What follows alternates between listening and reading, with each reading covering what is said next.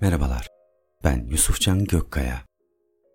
Bugünkü kaydımda sevgili Metin Nart'ın Ölümün Kokusu adlı öyküsünü seslendirdim. Şimdiden hepinize keyifli dinlemeler diliyorum. Bir sonraki kayıtta görüşmek dileğiyle. Kendinize güzel bakın. Sağlıkla kalın.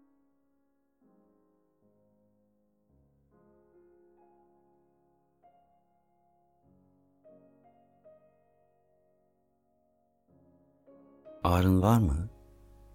Uzandığım ranzada giydirdikleri deri yelek, ayaklarıma bağlı ağırlıklarla çaresiz bir mahkum gibi görünüyor olmalıyım. Biraz diyorum.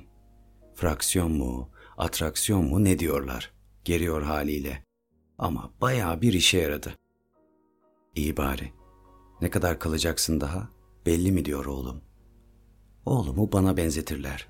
Burnu, gülmesi, Gerçi artık pek gülmüyor ya da bana göstermiyor. Bu kez ben de benzetiyorum. Onun yaşındaki halim öyle miydi acaba? Genç o, canlı, enerjik. Sarılmak istiyorum ama diyemiyorum. Sandalyesi uzak. Gel kucaklayayım desem nereden çıktı şimdi bu diyecek belki. Belli değil. Suratsızlar bir şey demiyor ki. Doktorlar haşa Allah gibi ağzını açmanın imkanı yok. Sabah bir, akşam bir uğruyorlar beş dakika. Sadece bir soruları var. Nasılsın? İyidir diyeceksin. Başka ne diyeceksin? Doktorları avare etmeyin diye kızıyorlar zaten. Hemşireler nasıl peki diye soruyor oğlum.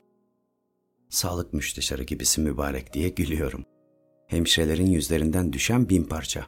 Hasta bakıcılar olmasa hepten kötü.'' Onlara da bahşiş verme, yaralı parmağı işemezler. Yaşlısın artık. Biraz dikkat etseydin ya, diyor oğlum. O sabah hava almaya çıkacaktım. Çömelip ayakkabımı giyerken düştüm. Belimde fıtık vardı zaten. Ters bir hareket yaptım herhalde. Bir daha da doğrulamadım. Öyle acı çekiyordum ki çaresiz kapıcıyı aradım. Tüm apartman seferber oldu sağ olsunlar. Bir battaniyenin üstüne yatırdılar. Ağrıdan inledikçe utanıyordum. Trabzan demirlerini sökmeme ramak kaldı. Sıkmaktan çenem davul gibi oldu. Kusur bende, evet diyorum. Sana zahmet, şu ayağımdaki prangayı çöz oğlum. Pranga mı, diyor suratını ekşitip. Ha anladım, abarttın yine. Doğru mu çözmen diye tamamlıyor soğuk. Çöz çöz, aslında hasta bakıcının çözmesi lazımdı. Bulursan tabii. Kemeri çözünce iyice rahatlıyorum. Birkaç çocuk gürültüyle koşuşturuyor. Kah koridora çıkıyor, kah odaya giriyorlar. Cıvıl cıvıl. İşinden gücünden etmeyeyim seni. Bak iyiyim. Kalkıp yürüyorum. Pencere kenarına varıp dışarıyı seyrediyorum diyorum. Amma gürültü var ha. Konuşturmuyorlar insanı. Tüm yataklar dolu mu diyor oğlum. Ziyaretçi kalabalığı yoksa mezarlık kadar sessiz burası diyorum. Gelmedi aklıma. Var mı istediğim bir şey? Hemen alıp geleyim diyor yarım ağız.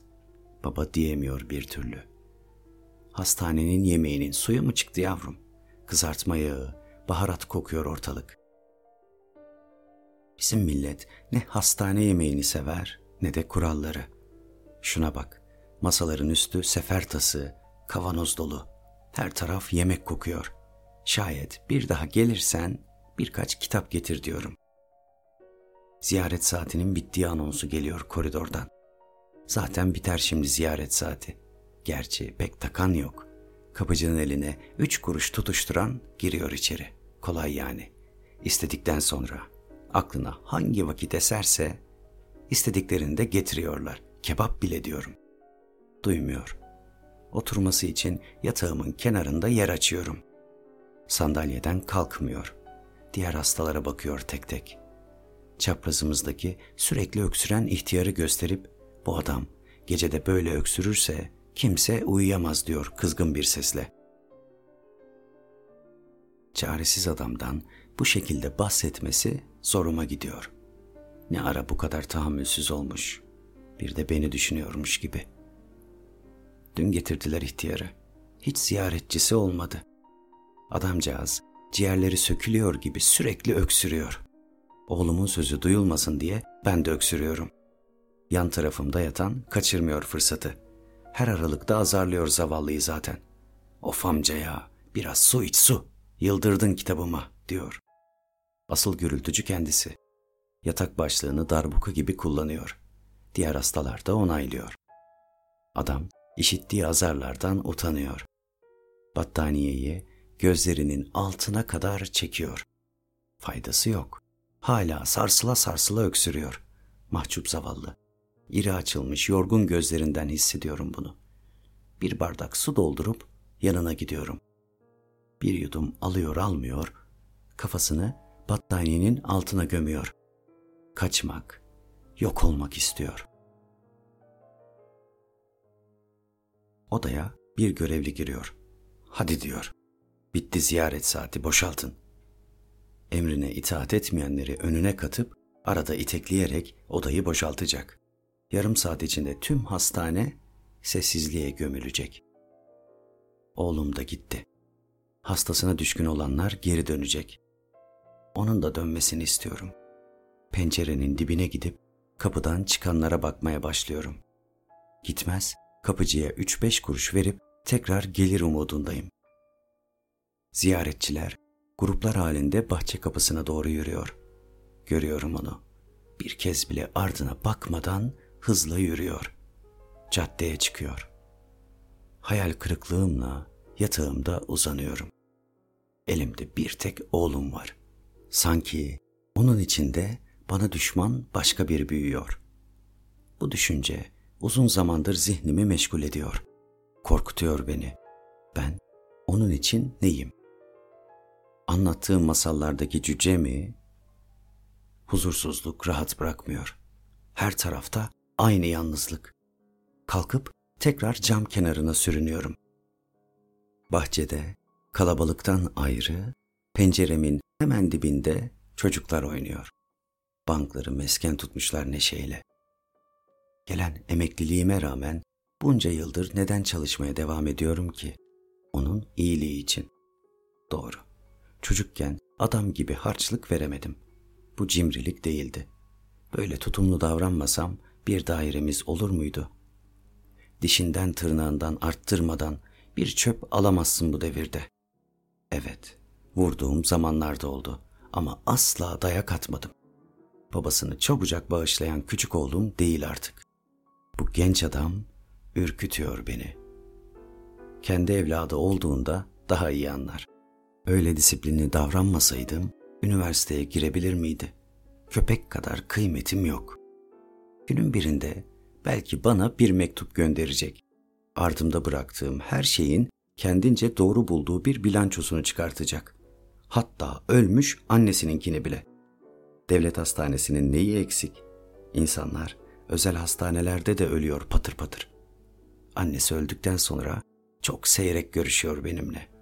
Gençliğini ardında bırakmış bir adamım ben. Yığılır kalırım, yıkılırım bir gün. Kendi evin dururken başka ev niye? Vicdan azabı bırakmak istemem. Zaten geç geldi. Nasıl gönlü vardı böyle erkenden ayrılmaya? Ayağı aksayan yaşlı bir hasta gökyüzünü gösteriyor. Bahçedeki herkes başını kaldırıyor. Göğün berrak mavisi binlerce karaltıyla dolu. Çocuklar gök kubbeyi gösterip zıplıyorlar. Hacı leylekler, kirli beyaz yüzlerce leylek. Aksak bir şeyler söylüyor. Hastane bahçesindeki bütün kafalar gökyüzüne dönük. Aynı hastalığa yakalanmışız gibi. Dönüyorlar. Hazan geliyor artık. Yaprak dökümü başlayacak. Kanat çırpmıyorlar. Süzülüyorlar. Termal yapıyorlar. Hava akımını bulunca kanat çırpmazlar. Bir kayık gibi süzülürler böyle. Çok yolları var daha. Yakaladıkları her hava akımında dinlenirler, diyor yanımda biten diğer emekli. Çığlıklar atılıyor, ıslıklar çalınıyor. Leyleklerle beraber bizler de süzülüyoruz. Pamuk bulutlar sanki mimci bir cambaz gibi yavaş yavaş şekilden şekile giriyor. Turuncu gagalarını görüyor muyum yoksa zihnim mi tamamlıyor? Bilemiyorum. Beşiktaş'ta oğlum omuzlarımdaydı. Barbaros heykelinin etrafını turluyorduk. Leylekleri ilk kez Beşiktaş semalarında Maslak tarafına uçarlarken görmüştü. Kalabalık bir tatil günüydü. Herkesin yüzü göğe dönüktü yine. İyi görsün diye omuzlarıma almış, yukarıya atıyormuşum gibi zıplatıyordum oğlumu. O gün kuzeye giden leylekler sanki şimdi dönüyorlardı. Aldıklarının, alacaklarının en iyisi değildi belki ama ben ona en iyilerini vermeyi amaçladım. Elimden geldiği kadar. Daha fazlasını yaparım. Yorgunluğumun, ağrımın nahoş tarafı ruhumda yarattığı aşırı duyarlılık. Suç bende. Henüz bir şey kaybetmedim. Kurtarılacak bir şeyler olmalı. İşi var, belki bir sevgilisi. Benim bilmeye hakkım yok mu? Kendim sorarım. O benim oğlum değil mi? İhtiyar bir bunak gibi somurtmasam belki söyleyecekti. Ne yapacağım? Nasıl yapacağım? Geri gel oğlum, otur şuraya. Sen benim her şeyimsin deseydim, oturmaz mıydı? Hatta alnımda birikmiş teri bile silerdi. İtaat gibi değil, sanki. Evet, sanki hala beklediği bir şeyler varmış gibi. Sen beni dinledin. Şimdi ben seni dinleyeyim. Hadi anlat. Bir gencin kalbi nasıl kazanılır? Bunu yapabilirim. Leyleklerin süzülmesi içime buğulu bir şefkat yayıyor. Huzur o kadar da uzak değilmiş diye düşünüyorum. Odaya bir hemşire, tıknaz bir hasta bakıcı giriyor. Hemşire leylekler gibi beyaz. İlaç saati gelmiş. Ben yatağımın başında dikiliyorum. Herkes susmuş. Sessizliğin içinde metal yatakların huzursuz gıcırtıları. Hasta bakıcı üstünde ilaç şişeleri, şırıngalar, sargılar olan arabasını itekliyor. Doğruca köşedeki ihtiyarın yanına. Omzunu dürtüyor. Uyan amca, ilaç vakti, diyor. Adamdan ne bir ses, ne bir hareket. Birkaç kez daha seslenip sarsıyor omzunu. Bir değişiklik olmuyor. Öksürüğünün kesildiğini bile fark etmemiştim. Merakla yataklarımızda oturur vaziyete geçiyoruz. Hemşire battaniyeyi sıyırıyor. Gözleri de, ağzı da açık ihtiyarın. Çenesi düşmüş, burnu uzamış, yüzü sivrileşmiş. Bir eli nabzında, diğer eliyle gözlerini kapıyor hemşire. Başını olumsuz sallarken hasta bakıcıya bakıyor. Herif ölmüş, siz muhabbet ediyorsunuz diyor hasta bakıcı. Sesinde alışmışlığın berbat rahatlığı var. Bizi suçlayıcı ifadesi bile sahte. Dalga geçtiğini düşünüyorum, eğlendiğini. Halbuki işini hem de zevkle yapıyor. Bir meziyet sergiler gibi. Onlar çıktığında odada gerçek bir ölüm sessizliği. Bir anda gitmişti ihtiyar. İçimde garip bir burukluk. Odanın kokusu değişmiş. Ölümün kokusu bu. Üstümdeki sıkıntı artmış, terden ıslanmışım. Hepimiz sessiz, bir yerlere dalmış, gözlerimizle yataklarımızda uzanıyoruz. Kısa bir zaman sonra aynı hasta bakıcı yanında başka biri Sediye'nin ardında tekrar geliyor. Sediye'yi kah kapıya, kah hasta ranzalarına vura vura ölü ihtiyarın yatağına yanaştırıyor. Bir, iki, üç, hop diye adamcağızın bedenini alışmış hareketlerle hiç sakınmadan sedyeye aktarıp başı dahil tüm vücudunu örtüyorlar. Bu görüntüyle odadaki herkes, her şey buza kesiyor. Fazladan bir dakika bile harcamadan aynı gürültülerle çıkıyorlar. İhtiyar payına düşen zamanı titrek ve güçsüz elleriyle tutmaya çalışmıştı. Ranzanın soğuk demirlerine yapışır gibi. Olmamış, yetmemişti gücü. Zamandaki payı kendisini de yanına katmış, akıp gitmişti. İhtiyarın ölümü beni çok etkiliyor. Sebep belki de ölümü kendime yakın hissetmem. Ölüm kokusu tüm odayı sarmış. Canımı yanmıştı, canımı sıkılmıştı. kimsenin umrunda olmamıştı. Verdiği rahatsızlıktan utanmış, utana sıkıla ölmüştü zavallı. İlla ki bir şey kalır her gidenin ardından derler. Bu adamcağız istisnaydı. Yoksa artık dönüşsüz bir yola mı girdik? Elimin altından kayıp gittiğini seziyorum oğlumun. Bunu düşünmek bile kahrediyor. Bir baba olarak beş para etmediğini bilmek. Çocukluk oyunlarından kalan sahte bir devim onun için. Hepsi o kadar. Babam aklımda küflü bir hüzün. Nelerle suçladım babamı? Para. Hiçbir zaman suçlamadım. Benden sakındıklarından peki? Zamanından, gençliğinden. Var mıydı böyle bir şey? Bunun ne olduğunu o zamanlar anlamamış mıydım yoksa? Yok böyle bir şey. Ben oğluma kalan son gençliğimi bile verdim. Kalbimin atışlarını duyuyorum. İçimi ölüm korkusu kaplamış. Ölüm kokusu genzimi yakıyor. Çok uzak olmadığını biliyorum ölümün. Derinden derine anlıyorum. Biz baba oğul adam akıllı hiç konuşmamıştık. Bundan sonra da konuşacağımız yoktu. Yokluğumun acısını çekecek yakınlarım var mı? Oğlum mu? Düş kırıklığı kalacak benden ona. Kötü bir anı gibi. Üzülecek mi? En fazla beş on gün. Kalemini kaybetmiş, ödevini yetiştirememiş bir çocuk kadar. Sonra her şey yoluna girecek.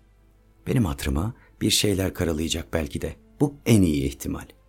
Baba mirası ödemesi en zor borçtur derdi babam. Latife ediyormuş. Güneş odanın içine vuruyor. Zamanı gelmiş, ikindi ezanı başlamış. Uyuyamayacak kadar yorgun, öylece uzanıyorum. Göğsüme bir taş oturmuş. Ağlamak istiyorum. Son zamanlarda çok ağlıyorum. Melodramlara, dizilere. Rahatlatıyor. Şimdi de ihtiyacım var. Eğer bu bir ceza ise bana çok fazla. Denizli'ye iki güvercin konmuş. Kabarmış boyun tüyleri. Kızgınlıkla birbirlerini gagalıyorlar. Birazdan hasta bakıcı gelecek. Ayak ucumda sallanan prangayı belimdeki kemere bağlayıp gece mahkumiyetimi başlatacak. Koridordan gelen seslerle yalnızlığım, terk edilmişliğim artıyor. Ölüm kokusundan soluk alamıyorum. Ağzıma tarçınlı bir şeker atıp pencerenin yanına yürüyorum. Tarçın kokusu evimi hatırlatıyor. Yalnız yaşadığım, yalnızlığı yaşadığım evi. İnsan kendisininki dururken başka bir evde niye yaşar ki? Aşağısı ıssızlaşmış. Hastane odası zamandan kopmuş. Her şey savrulmuş. Ben yine o evdeyim. Yalnızım yine. İçimdeki çıkmaz sokağın lambası bu akşam erkenden yanıyor. Sönük ışığın çevresine pervaneler, sinekler toplanıyor. Gökyüzü kararmış, leylekler gitmiş. Halbuki ben belki de son kez onlarla süzülmek istiyordum.